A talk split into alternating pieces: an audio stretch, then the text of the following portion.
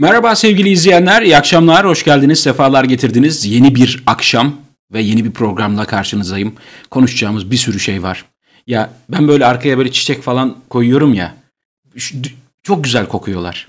Size tavsiyem yani bulunduğunuz yer, imkan tabii ki bilemiyorum. Yani şartlarınızı bilemiyorum ama şartlarınız ne kadarına el veriyorsa lütfen e, baharın böyle ilk filizlerini görün. Ben böyle bir mevsimi yani mesela sonbahar bitince üzülüyor musunuz siz de ya da kış bitince? Ama işte bahar baharın da bir sürü güzel. O bitince ah bahar yapraklar, çiçekler değişti mevsim. Yani e, hep böyle bir şeylere yetişememek, bir şeyleri kaçırmak. E, o his bende çok yoğun bir bo- boşluk olarak içimde yer alıyor. Böyle yayının girişinde size böyle bir tavsiyede bulunayım dedim. Yani varsa imkanınız. Yani yarın sabahtan tezi yok. Lütfen böyle ya inanın her şeyi kontrol edemiyoruz. İçinde insan olan hiçbir şey bizi tam anlamıyla mutlu edemez. Mümkün değil. Koca koca boşluklar var içimizde. Sesim çok yüksek değil mi? Bana da öyle geliyor. Şöyle yapayım. Biraz daha böyle iyi olur galiba. Koca koca sorunlar var. İçinde insan olan e, hiçbir şey bir insanı kusursuz bir mutlulukla dolduramaz. Mümkün değil. Ama yani ağaçların, çiçeklerin falan ayrı bir şeyi var.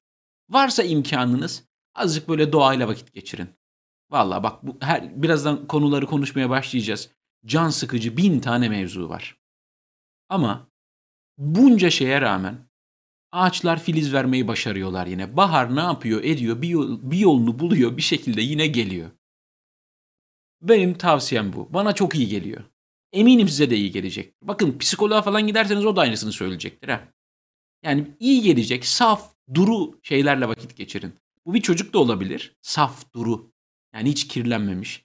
Bir ne bileyim ağaçlar da olabilir falan ya. Tavsiyem. Yoksa e, şimdi çok kıstım değil mi? Bir, bir şey var ben bunu çözemedim ya. Bir hışırtı geliyor ben konuşunca farkındayım. Valla yani artık artık yıldım yani. Bakın o yüzden diyorum çiçeklerle falan vakit geçirin. Yıldım. Bu ses sorununu çözememek beni bitirdi. Bitirdi. Ömrümü verdim. Yılların radyocusuyum. Yani 2000 yılından beri radyoculuk yapıyorum aşağı yukarı. Ben yani 2000 yılın öncesi yok profesyonel bir şey diyemem ama yani 2000 yılından beri sesle uğraşıyorum, görüntüyle uğraşıyorum. Radyoculuk yaptım, televizyonculuk yaptım. 4 yıldır YouTube'da olmuyor. Sesi çözemiyorum. Beceremedim. Vallahi beceremedim yani. Belki benim tavsiyemle bu işi yapmaya başlayan, hay Allah razı olsun ya çok iyi fikir verdin, çözdük o sorunu diyen bir sürü insan oldu. Ben çözemedim. Olmuyor. Olmuyor yani. Vallahi bilmiyorum ya. Daha bugün vallahi bakın samimi söylüyorum. Bugün bir kablo daha aldım ya. Yani bir kablo daha aldım. Buraya aldığım sese yatırım yani Birazcık kısıyorum. Evet. İnşallah şimdi düzelmiştir. Şimdi daha yani biraz daha kıstım. Şuradan da ben şeye bakayım. Yo ses şu anda patlamıyor. Yani seste bir patlama yok. Yani neyse mevzulara dönelim. Dediğim gibi gidin çiçek falan koklayın. Benle uğraşmayın. Benim verdiğim haberler sizi mutlu etmez. Twitter sizi mutlu etmez. Hepimizin huzura, hepimizin morale, motivasyona ihtiyacı var. Herkesin ihtiyacı var ve morali, motivasyonu böyle katıksız, kirlenmemiş morali, motivasyonu ve sevgiyi ancak kirlenmemiş şeylerde bulabiliriz. O da ya bebekler, çocuklar ya da kuşlar, çiçekler, böcekler. Onun dışında insan eli değmiş, insan ayağı değmiş, içinde insan olan hiçbir şey bizi tam anlamıyla mutlu etmez. Şimdi başlayacağız konulara bakın. Göreceksiniz siz de. Başlayalım. İnsan hakları eylem planı açıkladılar. Kime karşı? Yani bizim ülkemizde insan hakları sorunları varsa şayet bunu kim ortaya çıkardı? Ülkeyi kim bu hale getirdi? Madde madde bir sürü şey saydılar. Eğer bu maddeler Türkiye'de problem olarak varsa ölmüşüz gömenimiz yok. Ölmüşüz haberimiz yok yani. Biz iyi yaşıyoruz. Yani herhangi bir Türk vatandaşını uzaya göndersek, uzay kıyafeti de vermesek orada rahat rahat yaşayabilir. Yani bu şartlarda dünyada, Türkiye'de yaşayabilen insanlar uzayda da gayet rahat yaşayabilirler o zaman. Benim anladığım, gördüğüm. Öyle maddeler saydılar ki bunlar yoktuysa ya da bunlarda çeşitli problemler vardıysa eyvah. Kim bu ülkeyi bu hale getirdi ve Adalet ve Kalkınma Partisi kime karşı bu eylem planını, kime karşı eylem yapıyor? Yani kimi protesto ediyorlar? Kavganız kiminle? Tabii ki yani sakın ha sakın ana gündeminiz bu olmasın. Muhalefetin falan filan da bu oyuna gelmemesi lazım. Hiç kimsenin bu oyuna gelmemesi lazım. Yani atılacak barutları bitti. Hamle artık yapacak bir şeyleri yok. Dönüp dönüp aynı şeyler. Dönüp dönüp aynı şeyler. Konuşulması gereken bir ya bu problemlerin çözülmesi için yapacakları en güzel şey istifa etmek, itiraf etmek, yargılanmak ve hesap vermek. Bunun dışındaki hiçbir vaat Türkiye'ye hiçbir şeyi kazandırmaz. Oyalama taktikleri bunlar sevgili izleyenler. İnsan hakları. İnsan olarak görmediklerine hak tanırlar mı zannediyorsunuz? Ülkenin yarısını terörist ilan etmişler. Ülkenin bilmem ne kadarını insan olarak görmüyorlar. Hiçbir hakkı olmayan, hiçbir hukuku olmayan, onlara bir haksızlık, hukuksuzluk, işkence yapılırsa, onlar kaçırılırsa, onlar öldürülürse, onların mallarına el konulursa, umurlarında değil. Hak olarak görmüyorlar. Ya Özlem Zengin denen herif var ya, çıkıyor diyor ki beni yanlış anladılar, ben sadece FETÖ'cülerden bahsediyordum diyor. Bakın bu soykırım kafasıdır. Ben sadece şunlardan bahsediyorum, ben sadece bunlardan bahsediyorum deyip bu ülkenin vatandaşlarının bir kısmını bu şekilde gösterirseniz yani kusura bakmayın ama işte Naziler falan da aynı şeyleri söylüyordu. Ya size ne oluyor? Siz rahatınıza bakın. Biz size yap bizim derdimiz Yahudilerle diyorlardı. Sonra Almanya paramparça oldu. Almanya paramparça olmuş. Açın bakın sevgili izleyenler. Yani bu öyle öyle büyük bir mikrop ki bu. Öyle büyük bir problem ki. Yani göz yuman, destek veren, alkışlayan, görmezden gelen bilmem ne hepsini alıp götürüyor. Ne yapalım canım bize dokunmayan yılan derseniz o yılan bir gün geliyor boynunuza sarılıyor sevgili izleyenler. Yani insan hakları yani insan olarak görmediklerine herhangi bir hak vermek diye bir dertleri yok. Bir. ikincisi emin olun bunun arkasında ekonomik bir şey vardır. Avrupa Birliği demiştir ki şu şu şu şu konularda bir iyileştirme yaparsanız biz de size şu kadar para veririz demişlerdir. Bunlarda ulan oradan güzel para gelecek. Hadi biz bir paket açıklayalım. Paket açıklamakta ne var ki Fahrettin Bey yazmıştır. Dört maaş boşuna mı alıyor? Otursun yazsın yani. O da açıklıyor. Sonuç bu. Gördüğünüz manzara bu sevgili izleyenler. Öyle hiç kendinizi e, yani kendimizi kandırmayalım. Boş yere heyecanlanmayalım e, bu işin altından da bir şey çıkar, ondan da biz zararlı çıkarız. Benim tahminim o yönde. Hiç kimse başkalarının kişilik haklarına saygı göstermek suretiyle yaptığı eleştirileri veya düşünce açıklamaları nedeniyle özgürlüğünden yoksun bırakılamaz. Evet. Evet öyle zaten. Neden bunu söyleme ihtiyacı duydunuz? Aynı gün, aynı gün düşünün sevgili izleyenler bu konuşmanın yapıldığı esnada Türkiye'de cezaevlerinde sadece yazdığı yazıdan dolayı, attığı tweetten dolayı cezaevinde olan düşünce mahkumları var. Düşünce özgürlüğü var ama düşüncenizi yani ifade özgürlüğü var ama düşüncenizi ifade ettikten sonra ne olacağına biz karışmayız. Yok işte çıplak arama olmuyor bilmem. Bunu kim yaptı ya? Hani sizin bu iktidar vaadiniz mi? Bir gün iktidara gelirsek bunları düzelteceğiz mi diyorsunuz? Kendilerine karşı eyleme geçiyorlar. Ya resmen kendisiyle kavga etmek. Yani başka bir şey değil bu. Yani öyle çok e, ciddi alınacak bir şey değil. Gündemin ana maddesi de bu olmamalı. Yaparlarsa eğer söylediklerinde samimilerse, azıcık ciddiyetleri varsa yarın Türkiye'deki cezaevlerinin yarısının boşalması lazım. Belki daha fazlasının. Sırf bu saydıkları maddeler var ya 9-10 tane madde saydılar. Türkiye'nin cezaevlerinin yarısının boşalması lazım. Kimse cezaevinde kalmaz o zaman. Evet. Gerçekten öyle yani. Tabii bu arada bu insan haklarını ihlal edenler, bu işkenceleri yapanlar, insan kaçıranlar, işkence yapanlar, çıplak arama yapanlar. E o zaman bunların hapsede olması lazım. Böyle bir değiş tokuş olması gerekiyor o zaman. Yani.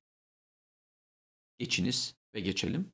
Tabii bozacının şahidi şıracı böyle hemen onların Amigo'ya ihtiyacı var. Amigo da gelmiş. Türkiye Barolar Birliği Başkanı Feyzoğlu insan hakları eylem planı yıldızlara erişmemizi sağlayacak bir plan. Böyle mi gideceğiz Ay'a? Yani Ay'a gitme planımız bu mu? Yani bu bir şey diyemiyorum.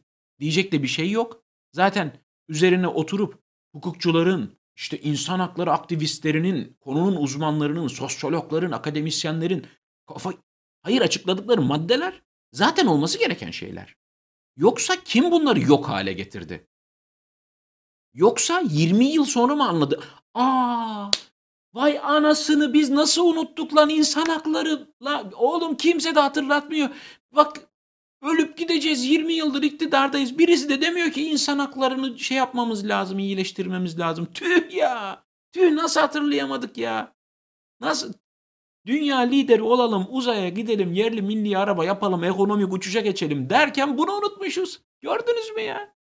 Alacağınız olsun ya bak. Bu mu yani? Çok acayip, çok çok ilginç. Yani. Bahçeli MHP'ye dokunulmazlıkların kaldırılmasına evet diyecek. HDP'nin kapatılmasını da sonuna kadar savunacaktır.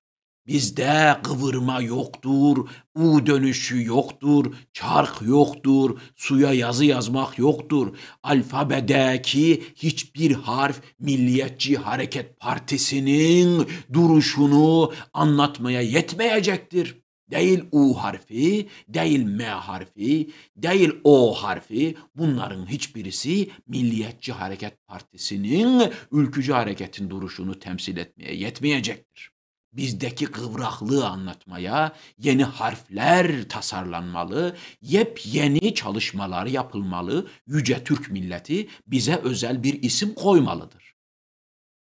Şimdi sizlerle günün videosunu paylaşıyorum sevgili izleyiciler. Bizde kıvırma yoktur. U dönüşü yoktur.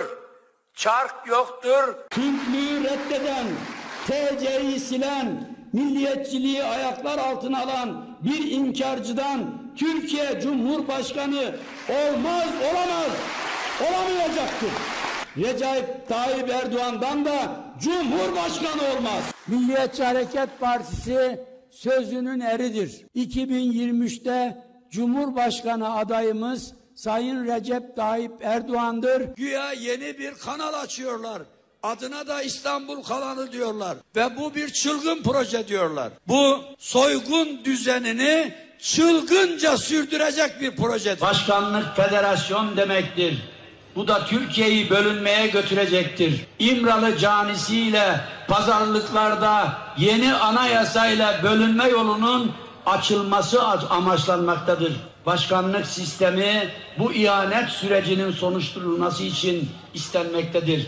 Recep Tayyip Erdoğan tipi başkanlık sistemi Türkiye'nin bölünmesinin reçetesidir. Demokrasinin idam fermanıdır. Tek adam diktatörlüğünün beratıdır. Hırsızlık ve yolsuzluk ruhsatıdır. Milliyetçi Hareket Partisi başkanlık sistemine tümden karşı olup parlamenter sistemin revize edilerek güçlendirilmesinden yanadır. Bizim görüşümüz açıktır değişmemiştir. Parlamenter sisteme dönmenin hesabını hangi siyasi defolar yaparsa yapsın nafiledir. Bizde kıvırma yoktur.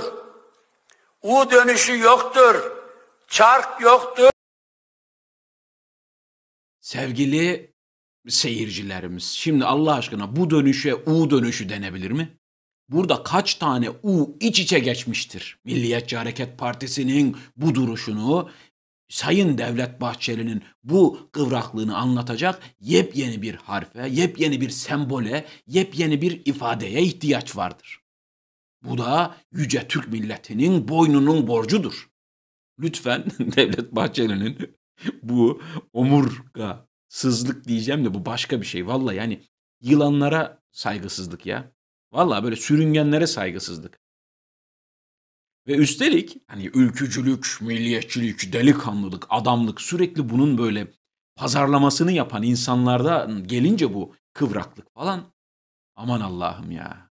Aman Allah'ım. Düşünün sevgili izleyenler milyonlarca insan takip ediyor, oy veriyor, destekliyor. Her konuşmasının altına reis büyüksün falan yazıyorlar.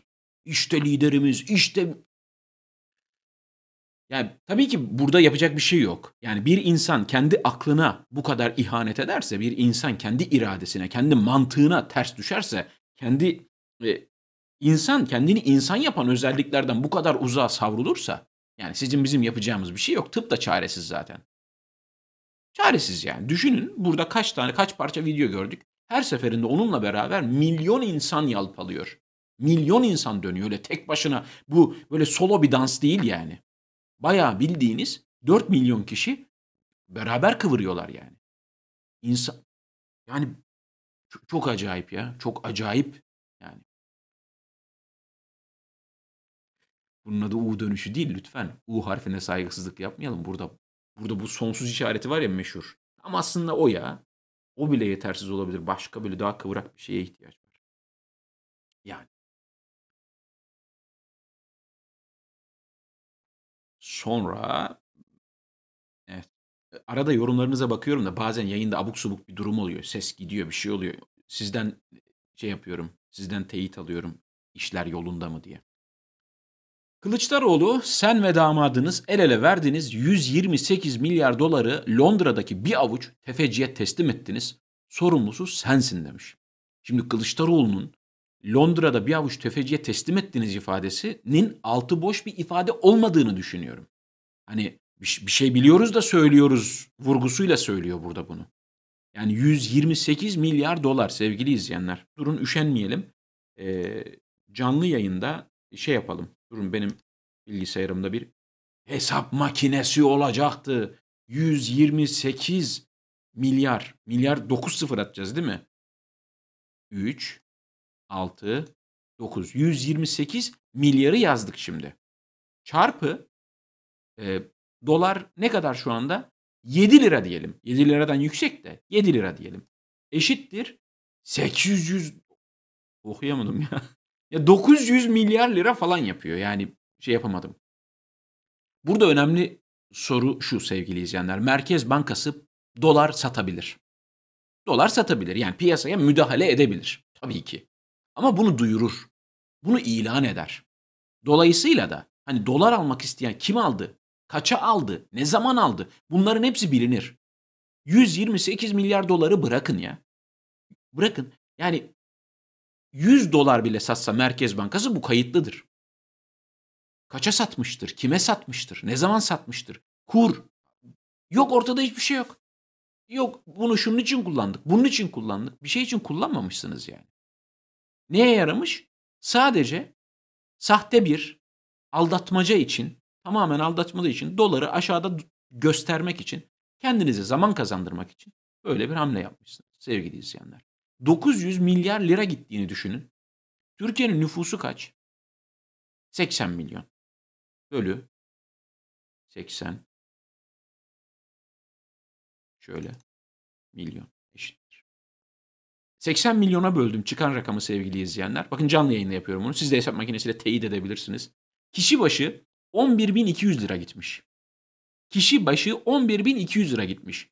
Beşik, Beşik'teki bebekten de gitmiş. Tamam mı? Ölüm döşeğindeki dededen de gitmiş. Yoğun bakımdaki hastadan da gitmiş. İşsiz, sigortasız, atanamayan, kim var kim yok herkesten ortalama giden para 11.200 lira. Şu an yaptım hesabı bakın. Eğer 128 milyar dolar uçtu gittiyse böyle gitmiş. Az bir para değil yani. Kaldı ki az olsa ne olur? Hepimizin cebinden birer lira çalmış olsalar ne olur? 1 lirayı çalan 1 milyarı da çalar. Çalmaya alıştıysa artık durduramazsınız. Geçmiş olsun. Kılıçdaroğlu'nun bu sorusu, e, daha doğrusu burada bir soru yok. Burada çok net bir şeyler söylüyor. Bir gün ortaya çıkar mı? Bir gün görür müyüz? Ama burada tabii ki temennim şu.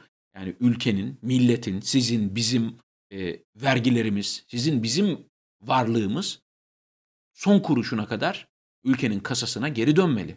Bu ülkenin insanlarına, bu ülkenin geleceğine harcanmalı. Harcanacaksa kayıtlı bir şekilde, kanuni bir şekilde, yasaya göre. Ama geri döner mi bu paralar? Bilmiyorum. Peki para dönse bile dönmeyecek şeyler var mı? Tabii ki var. Tabii ki var. Yani atanamadığı için, iş bulamadığı için, evinin kirasını ödeyemediği için, çocuğuna bir pantolon alamadığı için, yani inanın bu haberleri vermeye çekiniyorum, bu haberlerden bahsetmeye çekiniyorum. Neredeyse her gün görüyoruz. Çünkü bu tür haberleri vermenin, yani üzülerek söylüyorum ama intihar haberlerini vermenin de e, aslında psikolojik, sosyolojik bir ölçüsü var. Nasıl verilmesi gerektiğine dair bir sürü ölçü var. Dikkat etmemiz gereken şeyler var. Peki siz biz okurken dayanamadığımız, ya okurken boğazımızı düğüm, burnumuzun direğini sızlatan bu haberler, ya bu, bunların hiç mi bir tarafını sızlatmıyor ya? Hiç mi dokunmuyor? Hiç mi okumuyorlar? Hiç mi görmüyorlar? İnsan olan dayanamaz ya. Hele hele kendi sorumluluğu olduğunu bilse. Lan acaba benim yüzümden mi ya? Ulan biz şurada yanlış bir ihaleye yanlış bir imza atmıştık. Yanlışlıkla şu kadar fazla para harcamıştık. Acaba biz o parayı yanlışlıkla harcamamış olsaydık da vatandaşımıza verebilseydik. Beş insanı daha fazla iş sahibi yapabilseydik. Acaba, o acaba insanı bitirir ya. O şüphe insanı bitirir. İnsan olanı bitirir. Ama insan olanı bitirir işte. Umurlarında bile değil. Bakın sevgili izleyenler. Milli Eğitim Bakanı Selçuk diyor ki devlet imkanlarını biraz daha milli eğitim alanına kaydırabilirsek eğitimde kayıp meselesini telafi etmemiz kolaylaşacak. Ne kadar kolay bir cümle. Ne kadar basit bir cümle değil mi? Bir tweetlik cümle açıklama. Devletin imkanlarını milli eğitim alanına kaydırmaktan bahsediyor. Ya sırf şu pandemi döneminde milyonlarca çocuk, milyonlarca öğrenci eğitime ulaşamadı. Derse giremedi. İnterneti yok, tableti yok, telefonu yok, internet paketi bitiyor, imkanı yok. Aynı evde birkaç çocuk var. Giremediler. Ya öğretmenlerin bile, öğretmenlerin bile ne zor şartlarda bağlanıp ders verdiğini biliyoruz. Şimdi böyle bir yerde yani insanın birinci gündemi böyle bir pandemi şartında, böyle bir salgın ortamında bütün devletlerin akıl, akıl sahibi, mantık sahibi her bir devlet yöneticisinin, bakanının, osunun, busunun birinci gündemi insan sağlığı olur. Biz bu koronavirüs sürecini nasıl en az hasarla atlatabiliriz? Birinci gündem insan sağlığı olur. ikinci gündem de eğitim olur. Ama gelin görün ki bunlar ilk iki sırada yer bulamıyorlar. Bulamıyorlar sevgili izleyenler. Şimdi işte bu çocuklara sınav yapacaklar. Şimdi yüz yüze eğitime başlanacak. Bilmem ne. Ya bu kadar korkunç. Yani bilmiyorum hiç hiç mi orada bir yerde akıl sahibi birileri yok? Hiç hiç mi yok ya? Hiç mi kalmadı?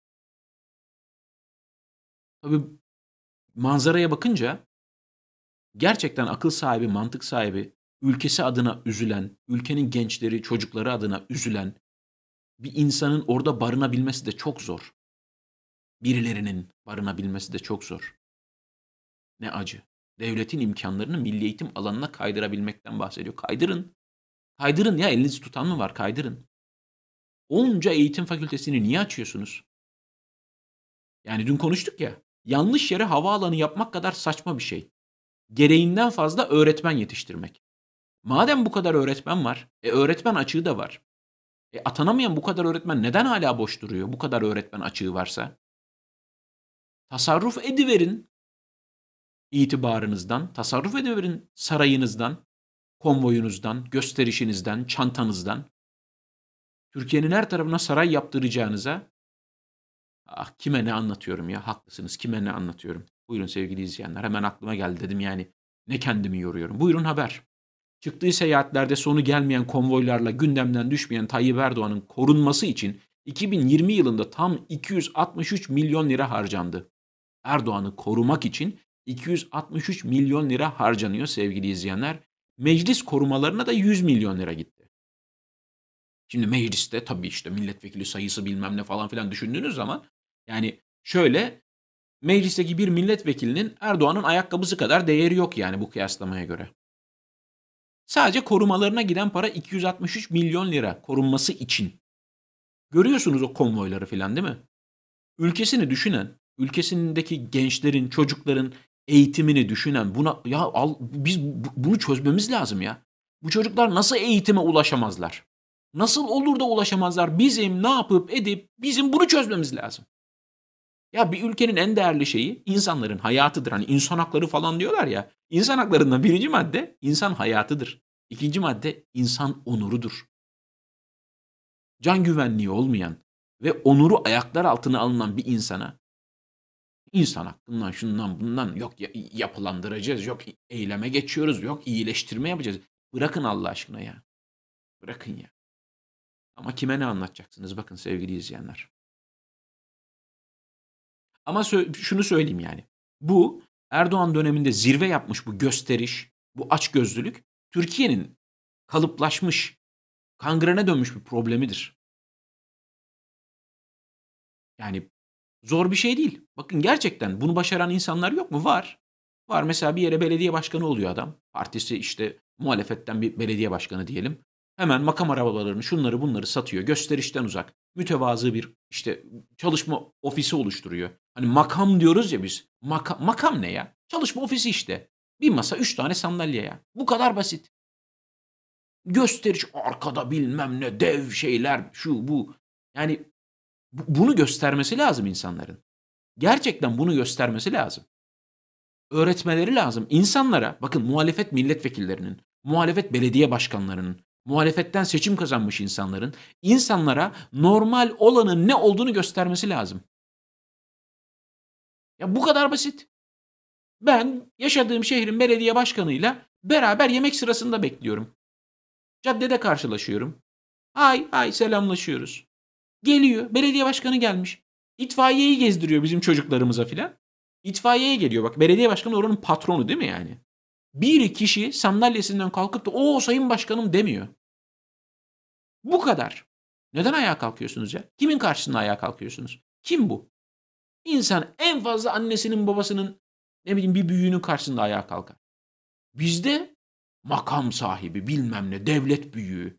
Ne gereği var ya? Ne gereği var? Senden ne fazlası var Allah aşkına? Üstelik maaşını da sen veriyorsun. Sana muhtaç, sana mecbur, sana hizmet etmek zorunda. Senin ihtiyaçlarını karşılamak zorunda. Eğer onun karşısında ayağa kalkıyorsan doktorun karşısında da ayağa kalkman lazım. Temizlikçinin karşısında çünkü onlar da görevi sana hizmet etmek ya. Baktığın zaman daha da değerliler. Çocuğuna eğitim veren öğretmen daha değerli. Senin hayatını kurtaran, seni tedavi eden doktor daha değerli. Senin sokağını temizleyen temizlik işçisi daha değerli, daha önemli. Senin sağlığını koruyor ya. Eğer öyleyse. Ama normalimiz, normalimiz anormal olduğu için mütevazı birisini görünce onu ezik zannediyoruz, onu değersiz zannediyoruz. Ne yazık ki Türkiye'de, Türkiye gibi ülkelerde, Türkiye'nin daha beter olan yerleri de gördüm ben de. Türkiye için söyleyeyim. Mütevazılık, eziklik kabul ediliyor. Haberlerde gördüğümüz işte Hollanda Başbakanı bisikletle meclise gidiyor. Yeni Zelanda Başbakanı işte çok mütevazı bir evde yaşıyor. Yok Merkel'in bir tane koruma arabası var falan diyoruz ya. Türkiye'de böyle insanlar asla seçim kazanamazlar. Çünkü halk böyle istemiyor. Halkın çoğunluğu böyle birini sevmiyor ki. Heybetten hoşlanıyor. Şöyle masaya yumruğunu bir vursun, güzel konuşsun, hey hey falan. Bana ne ya güzel konuşmasınlar. Kekem olsun, konuşamasın yani. İki lafı bir araya getiremesin. Ama dürüst olsun, çalışkan olsun, işinin ehli olsun, liyakat sahibi olsun. Bana ne ya? Ben güzel konuşacak. Ya, Cem Yılmaz'ı izlerim arkadaş. Sanatçı. Sahnede ben Cem Yılmaz'ı izlemek isterim. Yani ne bileyim yani. Haluk Bilginer'i izlemek isterim yani. Eğer güzel konuşma, güzel ses tonu duymak istiyorsam. Onları izlerim, onları dinlerim yani. Ne bileyim Sezen Aksu'yu dinlerim. Eğer aradığım şey güzel sesse, güzel şarkıysa, güzel performansa. Politikacı bu ya. Stand-upçı mı? Sahne sanatçısı mı? Şöyle konuşsun ama güzel Kur'an okuyor. O zaman camide imamlık yapacak. Kur'an kursuna gidecek, hocalık yapacak güzel Kur'an okuyorsa. E, yani neyin ölçüsü bu? Ama boyu uzun, heybetli. O zaman basketbol oynasın. Yani ölçüler çok saçma. O yüzden hani Merkel gibi insanlar filan ya da işte ne bileyim Yeni Zelanda'nın başbakanı o hanımefendi. Anden mi soy ismi? Neyse. Türkiye'de en küçük belediyede seçim kazanamazlar ya. O yüzden muhalefete çok iş düşüyor. Yani israf etmeden de hizmet edilebileceğini, gösteriş olmadan da hizmet edilebileceğini göstermeleri lazım. Yoksa AKP gider, MAKP gelir. Yani böyle döner gideriz yani. Yani bir cumhurbaşkanının memur olduğunu lütfen hatırlayın. Yani işte oradan buraya geçiyorum. Uşak varisi koca bıyıktan Buldan'a küfürlü tweet açıklaması emniyete talimat verdim. Bu valiyi hatırlıyorsunuz değil mi? Bakın Türk Türkiye'de politikada kadın politikacı seçerken kadın politikacı ya hani onu beğeni ifadesi olarak ne kullanılıyor biliyor musunuz? Erkek gibi kadın. Neden? Neden? Yani erkek gibi kadın olmayı övgü olarak görüyor Türkiye'de insanlar. Ama kadın gibi erkek neden? Yani çünkü kafada bir profil var. Kafada bir kalıp var. O kalıba en çok kim yaklaşırsa onu seviyor. Oy masaya yumruğunu vurdu, ahkam kesti falan filan. Bu kadın da böyle. Böyle vali ama öyle bir geziyor ki Külhan Bey gibi. Şşt, orada ayrılın. Ya hey birader ayrı ayrı yürüyün ya bu nedir falan diye böyle gezen bir hanım ablamız yani. Benim koğuş ağası gibi takılıyor oralarda. Yani uşak üzerine espriler yapıldı biliyorsunuz. Bence komik yani güzel. Yapılsın canım ne olacak yani. Keşke keşke hep böyle espriler yapabilsek. Keşke hep böyle espriler ama yok. Espriyi yapana bakıyorlar ya. Gülmeden gülecekler önce bir bakıyorlar. Espriyi yapan kim? Ha o zaman sövelim. Yazıklar. İyi Partili Cinisli AK Parti döneminde bir nesil kaybettik demiş. Acı bir cümle. AK Parti kongresi sonrası Erzurum'da Covid-19 oranı binde 60'lara çıkmış. Binde 60. Bakın binde 60 e, baş, konu başka bir şey olsa çok küçük bir oran gibi görünebilir. Ama insan hayatından, insan sağlığından, bulaşıcı bir hastalığın bulaşma hızından bahsediyorsanız binde 60 korkunç bir sayı demek. Bin kişi de 60 kişi. E çarpın işte 80 milyonla. İçler dışlar çarpımı yapın. Sonucu bulun. Her kongrede, kongre yapılan her şehirde oranların buralara çıktığını düşünürseniz açıklanan sayılara bakmayın yalan. İnanmayın yani o sayılara. Doğru olmasını temenni ettiğimi sürekli söylüyorum size ama öyle bir şey yok yani. Mümkün değil. Mümkün değil. Ama öyle. Çok acı bir tablo sevgili izleyenler. Acısı çıkacak. Göreceksiniz acısı çıkacak. Çok kötü çıkacak hem de acısı. O kongrelerden sonra o şehirlerde. Yani söyleyeyim yine söyleyeyim. Allah doktorlara, hemşirelere, sağlık çalışanlarına yardım etsin. Sabır versin yani. Güç versin. Sadece şey değil hani Allah'tan istemek değil. Sizler, bizler, halk, vatandaş olarak da yani mümkünse ama kime ne anlatacaksınız inanın. İnanın var ya sadece kendilerine zarar verseler artık kendi hallerine bırakın ama yani yoldan geçen insana da bulaştırıyorlar. Çalışmak zorunda olan insanlara da bulaştırıyorlar. Bu böyle gidiyor. Neyse hep kötü haber kötü haber canınızı çok sıktım. Bugün sizlerden bir YouTube kanalına destek istiyorum sevgili izleyenler. Şurada gördüğünüz orada abone ol yazıyor ya ben aslında abone oldum. Yani e, yani daha sonra ekran görüntüsünü aldıktan sonra abone oldum. E, Muhammed Efe Cefa, Cevahir küçük bir kardeşimiz, otizmli bir kardeşimiz YouTube kanalı var. E, YouTube YouTuber olmaya karar vermiş. Bence çok güzel bir şey. E, sizden işte maddi destek, para falan filan böyle bir şey değil yani. Zaten öyle bu, tür şeylere tabii ki bir, bir iki adım geriden bak bir, bir kontrol etmek lazım. Bir dakika. Bir dakika. Ne olur ne olmaz yani. Yaşadığımız tecrübelerden sonra ne yazık ki insan böyle bak ama burada sizden sadece YouTube'un algoritmasına böyle küçük bir dokunuş istiyorum. Çünkü mesela bir kanalda videolar birazcık fazla izlendiği zaman siz birazcık like'a bastığınız zaman abone olduğunuz zaman e, böyle birkaç gün içinde orada bir hareket olduğu zaman YouTube'un algoritması diyor ki ha burada malzeme var. Ben burada ben bunu biraz daha insanlara daha çok göstereyim diyor. Meraklılarına, ortak ilgi alanında olanlara. Sizden e, Muhammed Efe Cevahir'in e, kanalına bir uğramanızı, mümkünse abone olmanızı istiyorum. Ne olacak canım yani. Bir dakikanızı alır en fazla iki tık. Videonun açıklama kısmına linkini ekledim. Abone olun, destek verin, moral verin. Tabii canım birbirimize moral verebiliriz yani. Hiçbir şeyimiz yoksa bile bu var. Yani hani paramız yoksa haysiyetimiz var. Birbirimize destek verelim, moral verelim de e, hepimizin ihtiyacı yani. Öyle. Bunu da sizlere hatırlatmak istedim sevgili izleyenler. E, ve bakın yine söylüyorum. Fırsatınız varsa lütfen dışarı çıkın ve yani bahar geliyor ya. Allah'tan hani bahar geliyor. Henüz onu engelleyemediler. Bahar baharı doyasıya yaşayın. Hangi zamandaysak, hangi dönemdeysek ne varsa yaşanacak onu böyle hakikaten yaşayabileceğimiz kadar beleş kısmından tamam mı? Hani beleş ve özgür olan yani dokunmanın yasak olmadığı, sevmenin, incelemenin, uzun uzun bakmanın, düşünmenin, anlamaya çalışmanın e, henüz engellenmediği şeylere en azından ve bize iyi gelecek, zihnimize iyi gelecek, bizi böyle bir rahatlatacak, böyle ferah ferah nefes almamızı sağlayacak şeylere odaklanmakta fayda var ki bu müzik olur, resim olur, güzel şeyler olur. Hepimizin o güzelliğe ihtiyacı var çünkü. Bugünlük bu kadar. Yarın Türkiye saatiyle 22'de ben yine burada olmaya çalışacağım sevgili izleyenler. Yine sol şeridi kapattım. Moralinizi bozacak, canınızı sıkacak bir sürü şeyden bahsetmiş olabilirim. Ee, yorumlarınıza tabii ki bakamadım. Öyle bir iddiam da yok. Ee,